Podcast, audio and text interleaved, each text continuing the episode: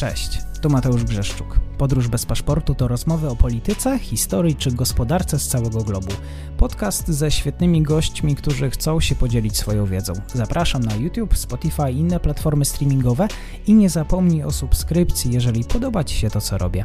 Od czasu do czasu pozostajemy w granicach kraju. Wtedy zapraszam na wyjątkowy odcinek Podróż po Polsce.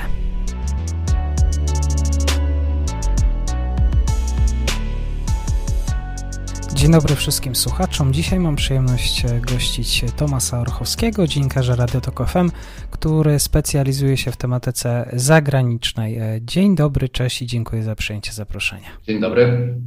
Dzisiaj będziemy rozmawiać o książce, o reportażu Wyspa Trzech Ojczyzn, opowieści, reportaż z podzielonego Cypru. E, wydawnictwo Czarne, książka o trudnych relacjach północnej części Cypru z tym południem. Rzeczywiście 2020 rok to jest ta 60. rocznica powstania Republiki Cypryjskiej. Wydawać by się mogło, że ten podział miał być chwilowy, ale jak też czytałem Twój artykuł w Dzinku Gazecie Prawnej, e, chyba te tempo zmian politycznych i tempo pchania rzeczy, że tak powiem, do przodu w tym przypadku no, nie jest mocną stroną Cypryjczyków z jednej i z drugiej strony. Chciałbym Cię zapytać, e, czy jeżeli rzeczywiście Cypr się kiedykolwiek zjednoczy, to czyja będzie to zasługa? Bo chyba nikt nie ma wątpliwości, że e, sami politycy no, nie mają już mocy takiej sprawczej w tym temacie. No, cały tragizm Cypru polega na tym, że żeby Cypr się zjednoczył, to musi zajść jednocześnie tyle różnych mm, okoliczności, że jest to trudne do spełnienia. Żeby Cypr się zjednoczył, po pierwsze, e, Greccy Cypryjczycy, czyli ci z południa wyspy, czyli władze Republiki Cypryjskiej, no muszą zacząć chcieć tego porozumienia naprawdę z północną częścią, czyli z tą turecką częścią wyspy. Sami tureccy Cypryjczycy z kolei muszą zaufać greckim Cypryjczykom i muszą no, też wyrazić wolę e, zjednoczenia z greckim południem. E, więc tutaj mamy ten aspekt społecznościowy. To raz. Dwa, cały do tego dochodzi niestety miszmasz e, geopolityczny, że tak powiem, międzynarodowy, no bo są trzy państwa, które są gwarantami e, istnienia Republiki Cypryjskiej. To jest Wielka Brytania, Turcja i Grecja. No i te państwa też mają coś do powiedzenia w czasie rozmów pomiędzy obydwoma społecznościami. Takie rozmowy najbliższe odbędą się już pod koniec kwietnia w Genewie, nieformalne. E, to będą rozmowy nie stricte pokojowe, tylko to będą rozmowy o tym, czy w ogóle rozmowy są możliwe, e, pokojowe. No ale tam też będą te trzy państwa, które są, które no, dają gwarancję Konstytucji Republiki Cypryjskiej i one też muszą wyjść z taką inicjatywą i z dobrą wolą. Więc tutaj mamy tak naprawdę pięć różnych podmiotów, E, pięć różnych podmiotów, które muszą się w tym samym momencie wykazywać dobrą wolą i wyciągnąć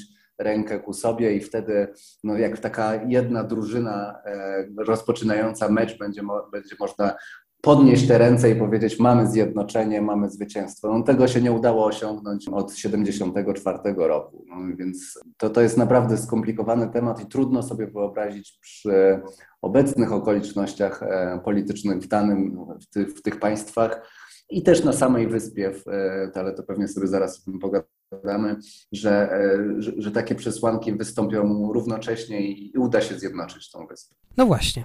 Pewnie o Turcji i Grecji będziemy jeszcze rozmawiać dosyć sporo. Wspomniałeś tutaj o kolejnym aktorze, o Wielkiej Brytanii. Chciałem Cię zapytać, jak dzisiaj myśli się o Brytyjczykach na Cyprze? E, z tego co pamiętam, Wielka Brytania dokonała tej formalnej aneksji Cypru. To był 25 rok. Brytyjczycy ogłosili Cypr swoją kolonią i te panowanie brytyjskie chyba nie trwało zbyt długo. No, panowanie brytyjskie to już się w XIX wieku, w drugiej połowie XIX wieku de facto rozpoczęło, bo od Imperium Osmańskiego wtedy zarząd przejęła e, Wielka Brytania. Potem to była ta, taka czysta formalność, przyłączenie i sprawienie, że Cypr e, stał się kolonią brytyjską, o czym powiedziałeś. No i potem e, zaczynają się no, problemy, bo wielu Cypryjczyków myślało, że jak wchodzą, wchodzi ta Wielka Brytania, no to się w końcu uda porozumieć i urzeczywistni się idea enozis. Enozis to jest marzenie greckich Cypryjczyków, to znaczy przyłączenie wyspy wzorem Krety na przykład do, do Grecji. Tak? No ale Brytyjczycy przez to, że Wyspa jest bardzo e, ważna ze, względu, ze względów strategicznych, tak kanał Suezki niedaleko, po drodze do Indii, które przecież były brytyjską kolonią, więc e, no, Cypr niestety dla samych Cypryjczyków stanowił bardzo no, taki łakomy kąsek dla Wielkiej Brytanii. I, i kiedy no, zaczęło się okazywać, że e, Brytyjczycy no, nie będą chcieli pozwolić na to, żeby przyłączyć wyspę do Grecji, to mamy e, rok 55 i wybuch narodowo-wyzwoleńczego e, powstania greckich e, Cypryjczyków. To powstanie oczywiście no, było za tym, żeby przyłączyć, jak rozmawiałem z weteranami walk, które przy, i, przywołuję te rozmowy oczywiście w książce, no to oni wszyscy mówili, to, to nie było za niepodległością, to nie było za jakąś republiką cypryjską, tylko to było za przyłączeniem Cypru do Grecji. O to walczyliśmy dla nich, dla tych osób, dla tych weteranów, z którymi rozmawiałem, to, to powstanie tej niepodległej Republiki Cypryjskiej w 60 roku, no to to była porażka. I oni oczywiście, ci star, starsze pokolenie greckich Cypryjczyków, no pamięta Brytyjczyków jako no, okupantów po prostu, ludzi, którzy torturowali bojowników tej EOKI, czyli takiego, można powiedzieć, grecko-cypryjskiego AK e, naszego. E, I, jest, I są pretensje oczywiście, chociaż raz byłem, szedłem przez taką wioskę i trafiłem do domu e, takiego greckiego starszego Cypryjczyka, gdzie właśnie byli brytyjscy emeryci, bo na wyspie jest ich całkiem sporo. No i, i, i oni sobie się tak trochę sobie dogryzali, bo jeden ten grecki Cypryjczyk był weteranem EOKI, a ten Brytyjczyk no, pamiętał, nie pamiętał czasów, jak e, Cypr był brytyjską kolonią, no ale tak, e, no, tak go prowokował trochę i tak sobie dogryzali. Więc no, jest to współistnienie, bo przecież Wielka Brytania ma cały czas, e, kontroluje około 3% terytorium wyspy, ma tam dwie bazy wojskowe, tak? Więc jest ten brytyjski aspekt cały czas obecny. No i są te pretensje w szczególności w starszym pokoleniu. Z kolei tureccy Cypryjczycy, no oni byli wykorzystywani przez przez Brytyjczyków e, do walki z, powsta- z tymi powstańcami grecko-cypryjskimi. Niektórzy zostali no, trochę porzuceni przez tych Brytyjczyków. Ja opisuję w książce taką historię takiego policjanta byłego, tureckiego Cypryjczyka, no, który po prostu wyjechał z kraju, bo się bał greckich Cypryjczyków, bo ci policjanci tłumili, walczyli z aspiracjami narodowo-wyzwoleńczymi greckich Cypryjczyków. Wyjechał do Londynu, tam się źle czuł, wrócił na Cypr i zaginął i nie wiadomo, co się z nim stało. Po, został porzucony przez tych Brytyjczyków. Tak? Tak? Więc dla tureckich Cypryjczyków, no, e, oni byli wykorzystywani przez tę politykę, no, dzieli rządź, tak? Mhm. Brytyjczycy tak rządzili, więc tutaj jest ten aspekt. Więc ta historia Wielkiej Brytanii jest skomplikowana i oczywiście Brytyjczycy mówią, już tak trochę podsumowując ten temat, że no w, w kontekście kolejnych rozmów pokojowych my jesteśmy w stanie oddać bo mówili tak w przeszłości, że są nawet oddać w stanie e, połowę tego terytorium, które kontrolują teraz na, na wyspie. No ale to może lepiej w sumie mieć więcej tego terytorium, po co oddawać, tak? No więc tutaj jest też taka no, po stronie Wielkiej Brytanii takie pytanie, czy, czy w zasadzie to im się opłaca w ogóle mhm. to zjednoczenie wyspy. Przyznam, że jak czytałem książkę, to miałem takie małe déjà vu. E, oczywiście polska historia nie jest to tożsama z tym, co się działo na wyspie, ale obietnice brytyjskie już tak.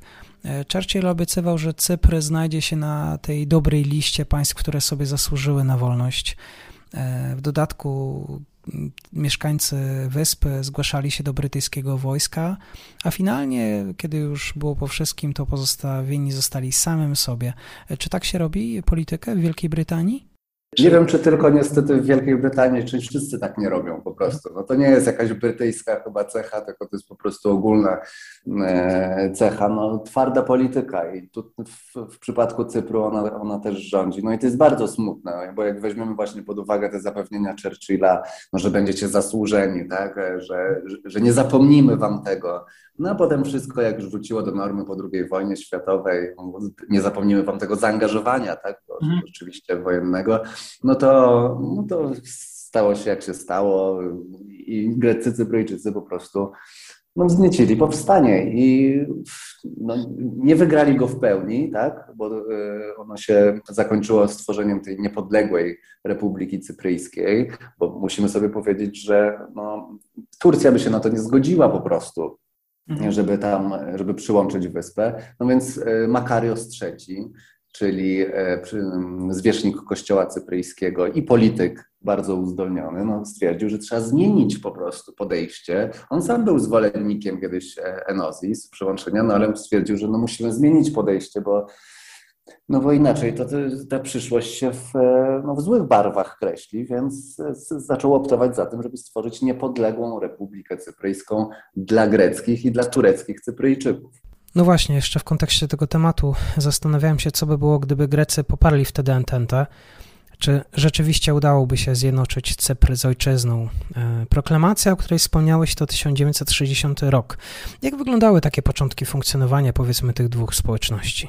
Świecie idealnym to, to, to, było tak, że to miało być państwo dla dwóch społeczności i miały one ze sobą no, żyć w pokoju. Tylko problem polega na tym, że no jak to w polityce już trochę zaczęliśmy zahaczać o ten temat, e, no obydwie społeczności się po prostu pokłóciły o władzę. To było tak, że w 60 roku zawarto tę konstytucję, gdzie są te trzy państwa gwarancyjne, tak, Wielka Brytania, Turcja i Grecja.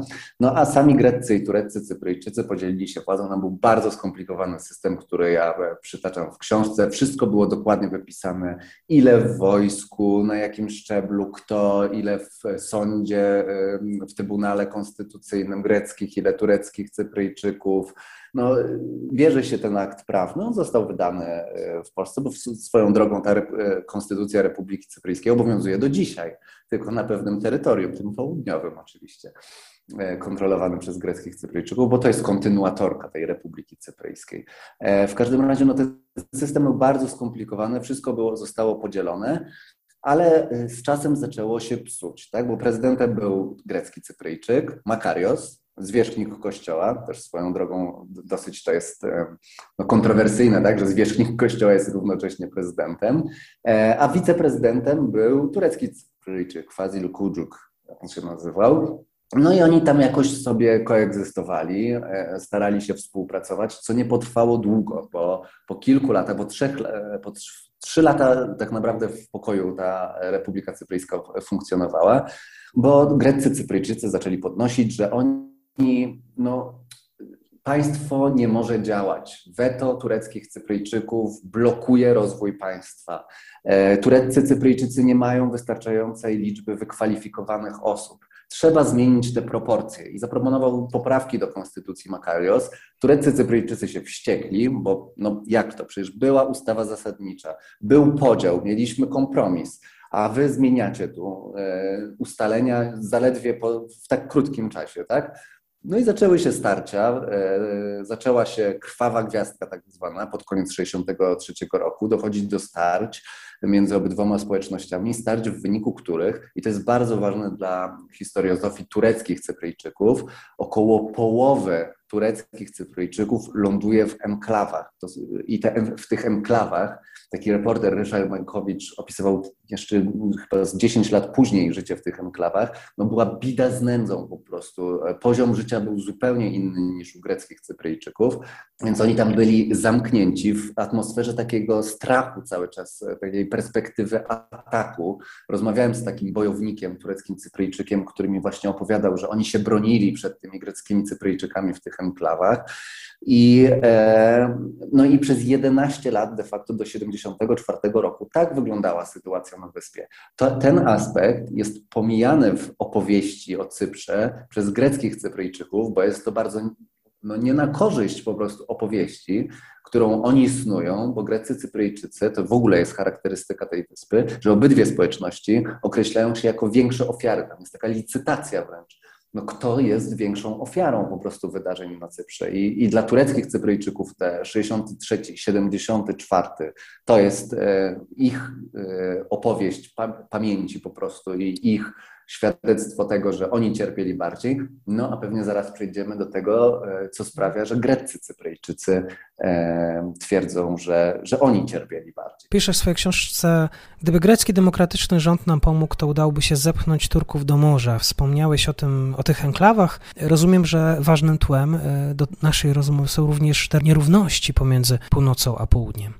Ten, ten, cytat, który ty przywołałeś, to jest akurat cytat z lidera EOKI WIDE, takiej skrajnie prawicowej organizacji, bo tutaj i doszliśmy rzeczywiście do 74 roku, no bo 74 rok to jest najważniejszy rok w no, historii sporu cypryjskiego, problemu cypryjskiego, bo w 74 roku wybucha, e, no nie wybucha, no, do, dochodzi do zamachu stanu, ten Makarios zostaje obalony przez Nikosa Sampsona i Eokę Wide, to jest EOKB, czyli niby kontynuatorka tej EOKI, ale tak naprawdę no, skrajnie prawicowa, faszyzująca organizacja, która chce się pozbyć z, e, z wyspy tureckich Cypryjczyków i przyłączyć ją de facto do Grecji, ale o tym głośno nie mówi, bo się boi kary. No i w, w odpowiedzi na ten, na ten e, przewrót dochodzi do inwazji tureckiej. I to też należy podkreślić, że ta inwazja turecka E, w 1974 roku, zgodnie z tym traktatem o gwarancji z 60 roku, była usprawiedliwiona, bo tam zostało zapisane, że każde z państw gwarancyjnych, jeżeli porządek konstytucyjny jest zagrożony, no to może interweniować. Więc Turcy się na to powołali, ci niezbyt mądrzy faszyści grecko-cypryjscy, popierani przez huntę czarnych pułkowników, która wcześniej w Atenach do, do, doszła do władzy, doprowadzili do tego, że dali pretekst tym Turkom, żeby weszli na wyspę. Więc to jest ten 74 rok, tylko że problem polega na tym, że jak Turcy weszli po pierwszej fazie, e, inwazji tureckiej, no to powinni się zatrzymać w pewnym momencie, a oni prowadząc rozmowy w Szwajcarii z, ze społecznościami, z państwami gwarancyjnymi, no zaraz potem znowu weszli, e, znaczy nie znowu weszli, tylko posunęli się dalej, dokonali tego blitzkriegu, można powiedzieć, takiego szybkiego wejścia, bo turecka armia był kolos przy, w porównaniu tam z tymi oddziałami e, Republiki Cypryjskiej i takimi malutkimi oddziałami i greckimi oddziałami, które wspierały te Republiki Cypryjskiej. No i wszedł i, i zajął to terytorium które, do, które do dzisiaj no, wyznacza po prostu doszedł do tej zielonej linii, która dzisiaj dzieli wyspę, do dzisiaj dzieli wyspę. I greccy Cypryjczycy w swojej historiografii wolą się skupiać na tym właśnie 74 roku, na tym, że oni musieli uciekać z północy, na tym, że tam dochodziło do mordów, zresztą do mordów też greccy Cypryjczycy w tym 74 roku tureckich Cypryjczyków mordowali. No więc, e, ale dla greckich Cypryjczyków ten właśnie 74 rok, ta okupacja trwająca do dzisiaj przez turecką armię jest, e, jest najważniejsza. No i od 74 roku wyspa jest podzielona przez e, kilkadziesiąt lat, bo do roku 2003 ta zielona linia E, była zamknięta, nie było wymiany w ogóle pomiędzy obydwoma stronami żadnej. One się nie kontaktowały oprócz takiej jednej wioseczce, wioseczki w strefie buforowej, to jest wioseczka Pila, w której e, do dzisiaj Greccy i Tureccy Cypryjczycy mieszkają razem i oni tam mogli wjeżdżać z obydwu stron, co, jak coś się spotykać i rozmawiać. No i tylko tam e, ten kontakt był możliwy, ale tak to do 2003 roku no, tych kontaktów nie było, więc ten konflikt się zaimpregnował, te urazy po prostu rosły. I, i, i wyrósł taki, no, taki czyrak po prostu te, tych pretensji, tego, tego takiego nacjonalizmu, tego wyrzutu, nieprzepracowanej traumy, no takie wzajemne pretensje po prostu naprawdę na bardzo wysokim poziomie, oczywiście no, nawet uzasadnione, bo no, rzeczywiście dochodziło po obydwu stronach do tragedii, no więc trudno, żeby przy braku dialogu, przy, przy braku wymiany jakiejkolwiek pomiędzy oboma społecznościami, no nie było takich e, pretensji, tak? No, i, i, to jest ten czynnik, ta, te urazy, te, ten ból, ta trauma, ten strach, no bo greccy Cypryjczycy się boją, że to się powtórzy. Tureccy Cypryjczycy, ten 74 rok, ta turecka inwazja się powtórzy. Tureccy Cypryjczycy z kolei się boją tych enklaw znowu, tej dominacji grecko-cypryjskiej. No więc e, ten strach właśnie no, wpływa na, na, na funkcjonowanie tej wyspy i na, i na potencjalne rozwiązanie tego problemu. I, I, to jest największy, największy szkopuł, bo to nie chciałem powtarzać problem dwa razy, ale no, to jest największy problem tej wyspy. A jak wygląda właściwie ten sam obszar buforowy, ten cypryjski mur berliński i dlaczego nazywany jest dzisiaj zieloną linią? No jest nazywany zieloną linią, bo brytyjski żołnierz w latach 60., bo to już ta zielona linia, ona nie, nie została wytyczona w 1974 roku, tylko tam wcześniej e, ONZ-owskie e, siły pokojowe dzieliły po tych właśnie starciach Nikozję i on zieloną kredką zaczął to ten brytyjski żołnierz nanosić na mapie i, i tak zostało zielona linia. E, to raz. E, dwa, jak ona wygląda? No, zależy, zależy gdzie pojedziesz, bo w Nikozji ona potrafi mieć no, kilka metrów dosłownie i jesteś po jednej greckiej stronie, greckiej, nie lubię tego, grecko-cypryjskiej stronie, bo ja odróżniam greckich Cypryjczyków i Greków i tureckich Cypryjczyków i Turków, bo to jednak nie jest to samo tożsamościowo. W każdym razie w Nikozji potrafi być bardzo cienka, a potem jak jeździłem tak wzdłuż tej e, zielonej strefy buforowej, e, ONZ-owskiej, no to ona potrafi być bardzo szeroka, tak?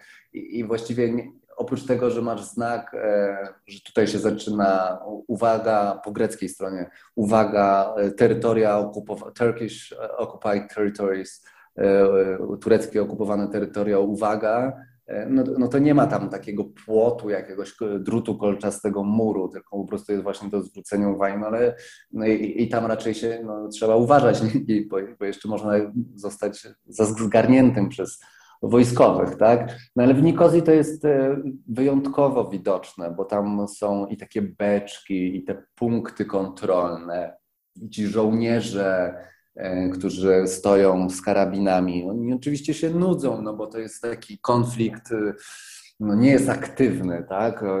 Nie wiem do czego porównać. No, to nie jest turecko-syryjska granica, tak? Teraz na przykład, gdzie, gdzie Turcy no, bronią jej, budują mur w ogóle. Tylko to jest taki, taki uśpiony konflikt. Raczej nikt sobie nie wyobraża, że tam wybuchnie wojna i na przykład Turcy wejdą na, i zajmą całą wyspę.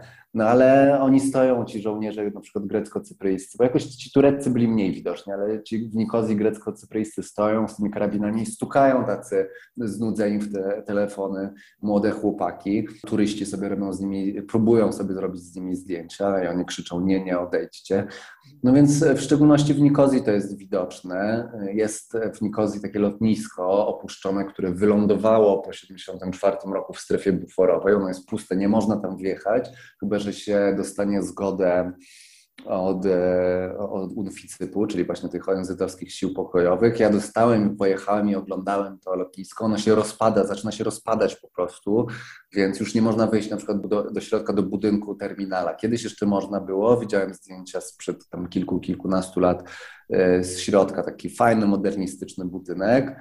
Niestety e, przez to, że on się może zawalić, to UNFICYP stwierdził, że nie można tam wchodzić w ogóle i, i odgrodził to.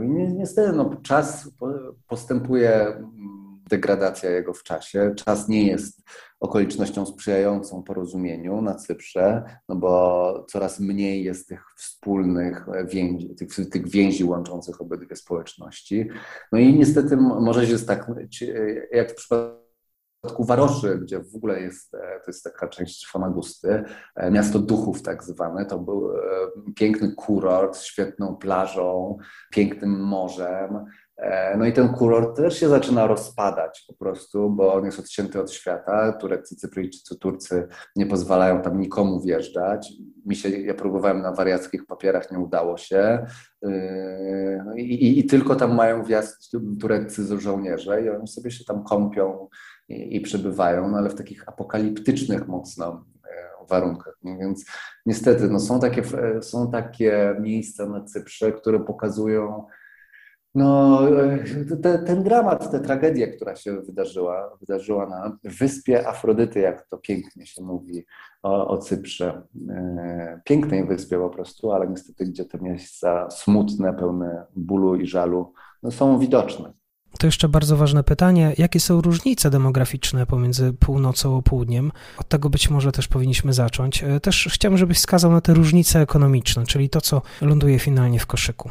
No wiesz co, no więcej jest e, greckich Cypryjczyków e, oczywiście, zawsze ich było więcej, to się waha. Ja podaję dokładne liczby w, książce, bo no, demografia też jest takim narzędziem przez obydwie strony stosowanym środka nacisku w rozmowach pokojowych, tak? No bo południe greckie, greckie w cudzysłowie południe E, twierdzi, no, że nas jest więcej, więc no, to oczywiście w szczególności prawica tak mówi. Nas jest więcej, więc oni mogą sobie pozwolić na to, żeby mówić, no, jesteśmy za, za taką silną, centralną władzą, jeden głos, jedna osoba, jeden głos, stwórzmy państwo unitarne, żadnych tam federacji, to skrajna prawica tak mówi, stwórzmy państwo unitarne, demokracja polega na tym, i Kościół też tak mówi, e, demokracja polega na tym, jeden głos, jedna osoba, jeden głos, niech rządzi większość. No i oczywiście to jest im na, na, rękę, no bo greckich Cypryjczyków jest więcej, więc się w sposób oczywisty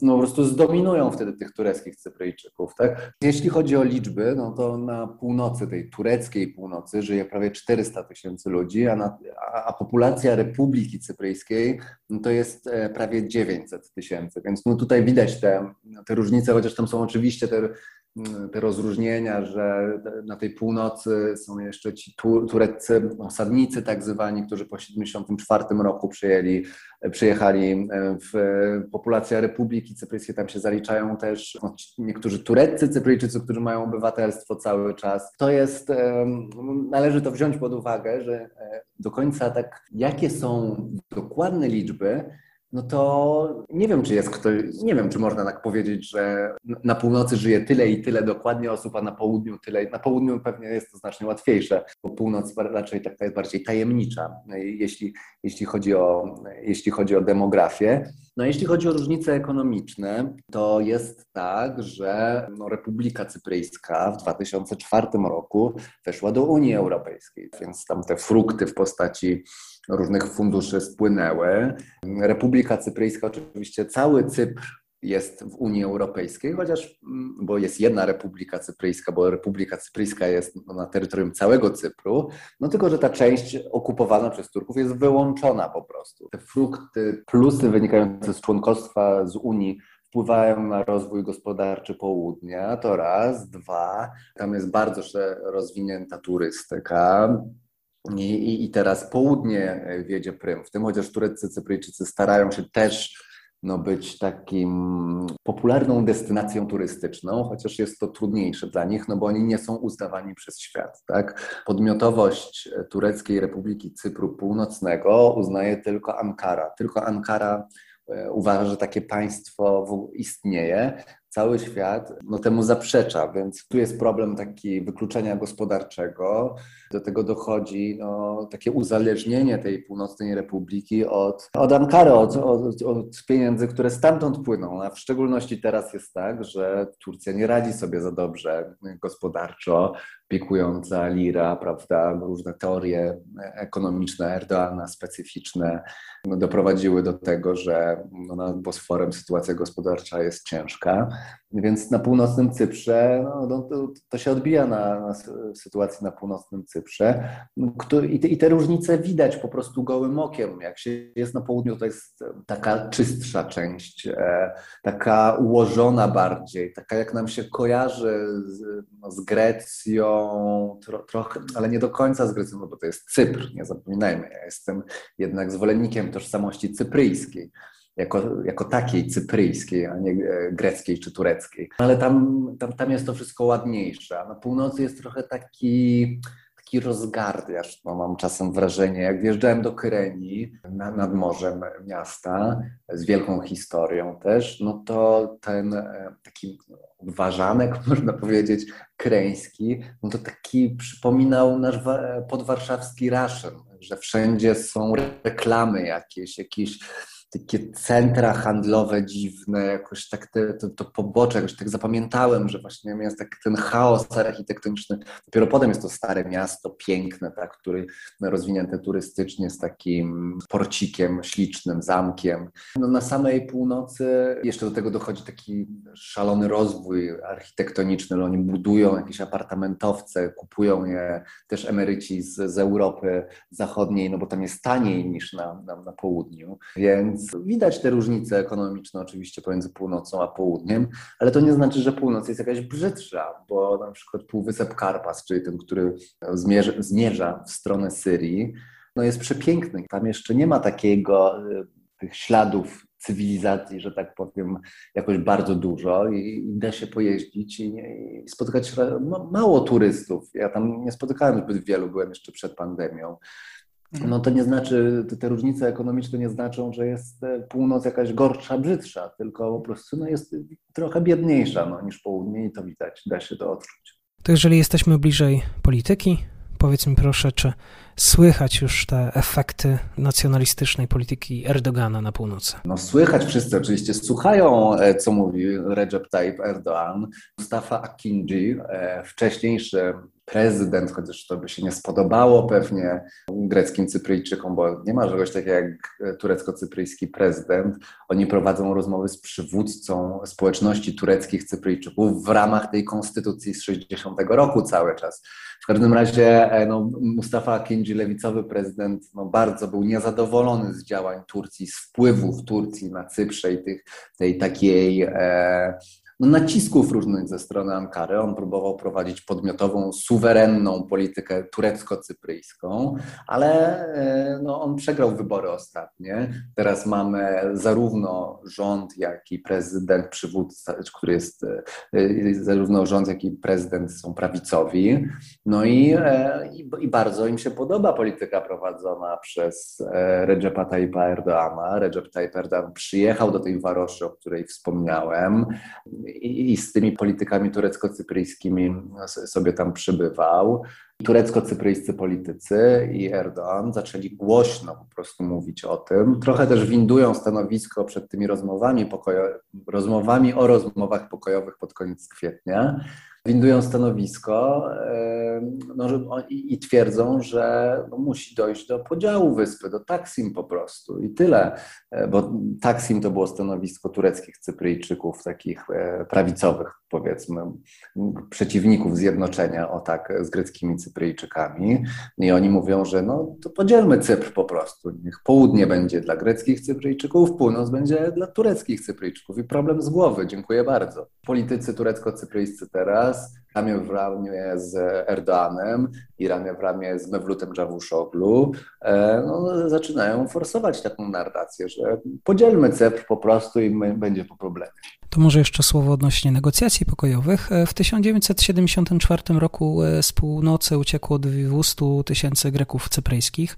W drugą stronę ruszyło 40 tysięcy Turków. Czy problemem pomiędzy obiema społecznościami jest jeszcze ta sprawa porzuconych majątków, domów, nieruchomości? No to był jeden z tematów, który, o które się rozbiły rozmowy pokojowe, te po plan, znaczy nie rozbiły rozmowy pokojowe, tylko odrzucono plan Anana, chociaż tam było kilka czynników, e, które spowodowały, że może odrzucono ten plan pokojowy w referendum. Odrzucili go greccy Cypryjczycy, tureccy Cypryjczycy przyjęli, bo on był bardzo skomplikowany pod względem tych nieruch, pod względem zwrotu nieruchomości. E, I jak ja czytałem na temat e, tego systemu zwrotu, no to sam miałem problemy, żeby to zrozumieć, bo tam e, jakieś bony po prostu, takie trzystopniowa procedura cała, opisuję to w książce dokładniej, ale no nie dziwię się, że, że sami Cypryjczycy tego w końcu pojąłem, ale no nie dziwię się, że dużo dużo greckich Cypryjczyków tego nie rozumiało, nieufnie podchodziło do tego i oni zawsze mówili i dużo osób e, cały czas mówi, no, że no, że hola hola, żadne systemy, po prostu zwróćcie nam nasze, naszą własność i tyle, tylko że tureccy Cypryjczycy się obawiają, że jak zwrócą własność, e, to w podmiocie tym federacyjnym w przyszłości, po zjednoczeniu, no ci greccy Cypryjczycy znowu zaczną ich wypierać, tak? I ta ta większość w ich składzie federacji na północy, no wtedy zacznie, zostanie zachwiana i, i wtedy znowu dojdzie do na przykład walk i znowu będą wypędzeni do enklaw i oni się takich rzeczy boją, tak? I, i nie chcą na to pozwolić. Więc te, ten, te, te nieruchomości no, też się pojawiają, chociaż podobno, jak mi mówili eksperci, no to to jest do rozwiązania. Tylko to by musiało oczywiście iść w parze z, z jakąś no, akcją edukacyjną, informacyjną, tłumaczącą, e, tłumaczącą, na czym taki mechanizm miałby polegać, to raz. No a dwa, w tych rozmowach pokojowych no, najważniejsze są jednak te kwestie bezpieczeństwa co zrobić z tymi 30-40 tysiącami żołnierzy tureckich, którzy nie do końca wiadomo, ilu ich jest, bo mi jedno źródło powiedziało, że ich jest tak naprawdę kilkanaście tysięcy. Takie dobrze poinformowane źródło, i no, niektórzy mówią, że ich jest ponad 30 tysięcy właśnie. I co zrobić z tymi tureckimi żołnierzami po potencjalnym zjednoczeniu? No, Tureccy, Cypryjczycy mówią, niech zostają, tak? Bo mhm. będą nas chronić. Grecy, Cypryjczycy mówią, no nie, no, nie mogą tu zostać tureccy żołnierze. No tak samo jest z tymi, z tymi gwarancjami. Czy zostawić Grecję, Turcję i Wielką Brytanię w, w roli gwar państw gwarantów, no, całe nieszczęście Grecy, Cypryjczycy powiedzą jest z tym spowodowane, bo wtedy doszło do inwazji w 1974 roku. No, Cypryjczycy mówią, no nie, Turcja musi być państwem gwarantem, no bo ktoś musi nas chronić, bo wy nas wypędziliście do enklaw i my nie chcemy powtórki historii. Więc e, no, te kwestie bezpieczeństwa i właśnie ten strach, te, o, o czym mówiliśmy, no ten strach to jest bardzo żywy i, i tu on on niestety kieruje działaniami bardzo często greckich i tureckich Cypryjczyków, a kiedy kieruje e, człowiekiem strach, no to mało kiedy coś dobrego z tego wychodzi, mhm. tak? Mhm. I konstruktywnego. To oczywiście na zakończenie, czy Unia Europejska posiada dzisiaj jakieś właściwie karty przetargowe? Ma coś jeszcze do zaproponowania w tym, e, powiedzmy, konflikcie? O, to otworzyłeś kolejny e, rozdział, jakby to można powiedzieć, w rozmowach pokojowych. No moim zdaniem Unia Europejska podstawowy, jaki błąd zrobiła, to było na początku wieku, że przyjęła Cypr, Republikę Cypryjską do Unii Europejskiej, pozbawiając się właśnie, zrobiła to oczywiście pod e, no, pod naporem Grecji, ale e, no, pozbawiła się tej karty, e, tego naci właśnie nacisku na greckich Cypryjczyków. No bo teraz greccy Cypryjczycy są członkami Unii i to oni szachują e, Unię Europejską, jak mieliśmy do czynienia z sankcjami na Białoruś, tak? No bo greccy Cypryjczycy mówili, hola, hola, wy musicie nam pomóc przecież tutaj z Turkami, którzy wokół wyspy się nam w, no, walają, mówiąc bardzo brzydko i zaczynają szukać złóż. Więc my zgodzimy się na sankcje, jak na, na Białoruś, jak wy tutaj nam pomożecie.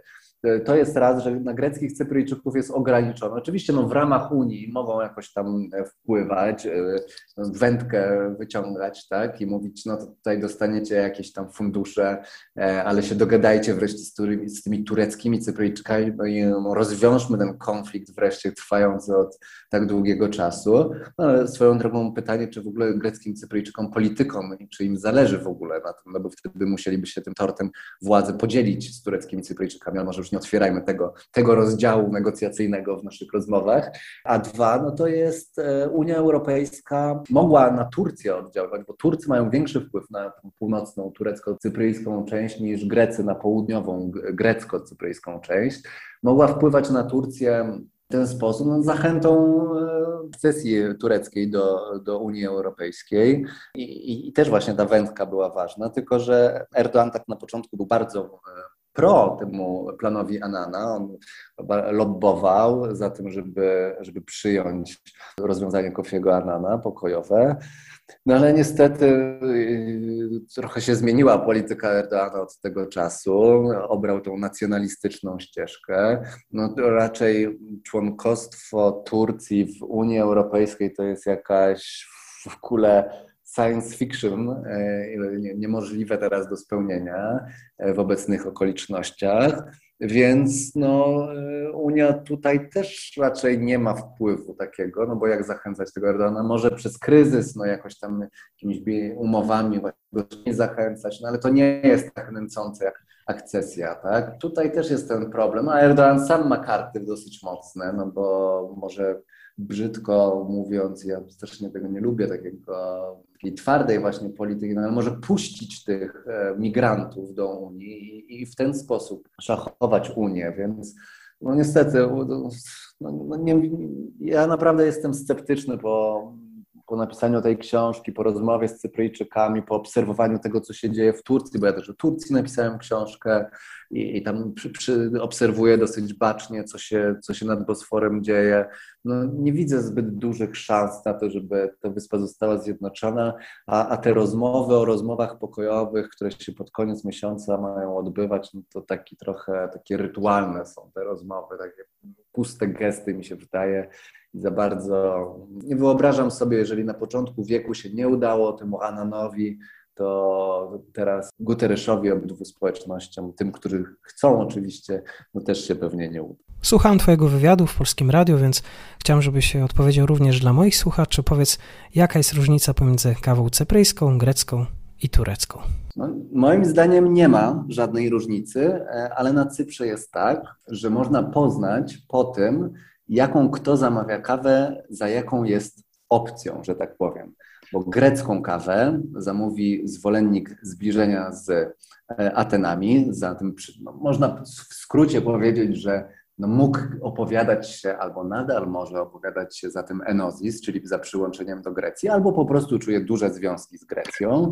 Jeżeli ktoś na północy powie, czyli tej tureckiej północy powie, że jest, e, że no poproszę kawę turecką, to znaczy, że jest zwolennikiem zbliżenia do mm, Ankary, a jeżeli ktoś zamówi cypryjską kawę, no to wtedy jest zwolennikiem takiej wizji Cypru dla Cypryjczyków po prostu. I wtedy można powiedzieć, że o, ten, który zamówił cypryjską kawę, no to on jest za zjednoczeniem. Więc jeżeli będziemy na wyspie, to słuchajmy, kto jaką kawę zamawia, bo to naprawdę dużo może o mieszkańcach powiedzieć. Bardzo dziękuję serdecznie za tę opowieść o Cyprze, o, podzielonym Cyprze. Moim gościem był Tomasz Orchowski, e, Wyspa Trzech Ojczyzn. Serdecznie zapraszam wszystkich e, tych, którzy nie słyszeli, nie czytali opowieści o tej małej wyspie we wschodniej części Morza Śródziemnego. Bardzo Ci dziękuję. Dzięki wielkie.